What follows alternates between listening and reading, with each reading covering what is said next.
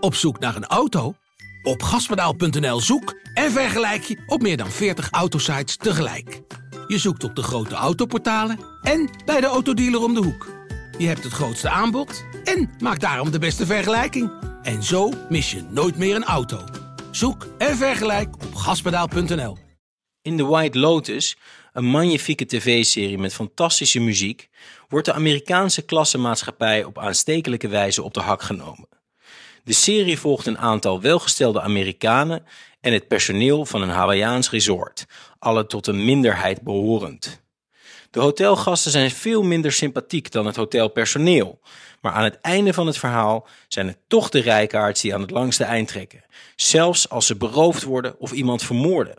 In een van de sleutelscènes betoogt een rijke vader tegen een woke vriendinnetje van zijn dochter dat niemand ooit zijn privilege zal opgeven. Dat zit nu eenmaal in de aard van het beestje.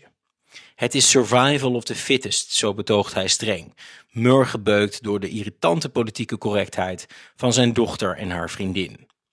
De serie zit vol subtiele kritiek op een wereldvreemde elite, maar ook op de contraproductiviteit van een woke overreactie. De scène is treffend omdat bloot wordt gelegd hoe de biologie het vrijwel altijd wint van de ratio, hoe de eigen familie altijd voorgaat op de gemeenschap. Voorvaderen kunnen tot de verbeelding spreken, reden zijn voor trots, maar belangrijker nog, voor grote welvaart zorgen.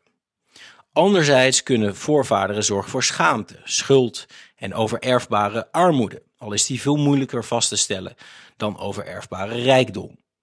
Maar op het onderwerp van overerfbaarheid is vrijwel niemand te betrappen op rationeel, consequent denken. Rechtse conservatieven willen zich alleen beroepen op voorvaderen wanneer het hen uitkomt, als er een erfenis of ander voordeel te incasseren valt, maar wensen niet aangesproken te worden op de herkomst van dat vermogen, of de vraag in hoeverre dat vermogen gerelateerd is aan eigen verdiensten. Ze willen dus wel de lusten, maar niet de lasten. Radicaal links lijkt juist alleen geïnteresseerd in de lasten van voorvaderen. Zij willen oeverloos emmeren over foute voorvaderen, behalve als het over hun eigen voorvaderen gaat natuurlijk, en maakt daarbij selectief gebruik van het orthodoxe idee van de erfzonde. Zij maken dezelfde fout als conservatieven door uit het verleden behaalde resultaten te willen vertalen naar het heden en een overerfelijk slachtofferschap te claimen dat gecompenseerd dient te worden.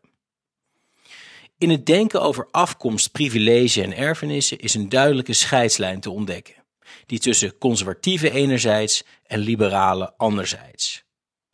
Dat mensen zich op de eerder genoemde positieve of negatieve dimensie van voorouders beroepen, kan ik alleen maar verklaren met onzekerheid. Wie zich vastklampt aan het verleden, heeft blijkbaar geen vertrouwen in het heden en de toekomst en de eigen zelfredzaamheid of die van de eigen kinderen.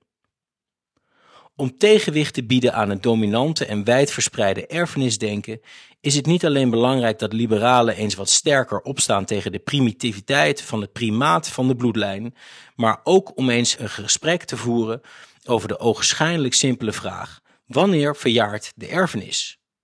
Wanneer eindigen zowel de voordelen van voorvaderen in de vorm van erfenissen als de nadelen in de vorm van de erfzonde?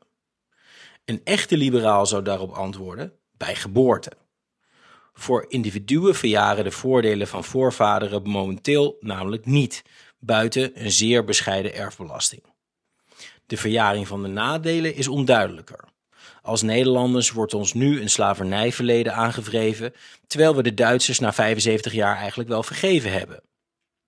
De individuele en gemeenschappelijke dimensie van de verjaring van de erfenis lijken dus behoorlijk verschillend. Het gesprek over de verjaring van de erfenis zal er niet van komen. We leven helaas in een tijd waarin de obsessie met de eigen kinderen het eigenlijk altijd wint van de ratio. Op zoek naar een auto?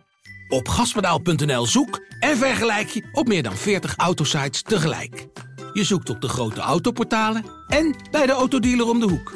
Je hebt het grootste aanbod en maakt daarom de beste vergelijking. En zo mis je nooit meer een auto. Zoek en vergelijk op gaspedaal.nl.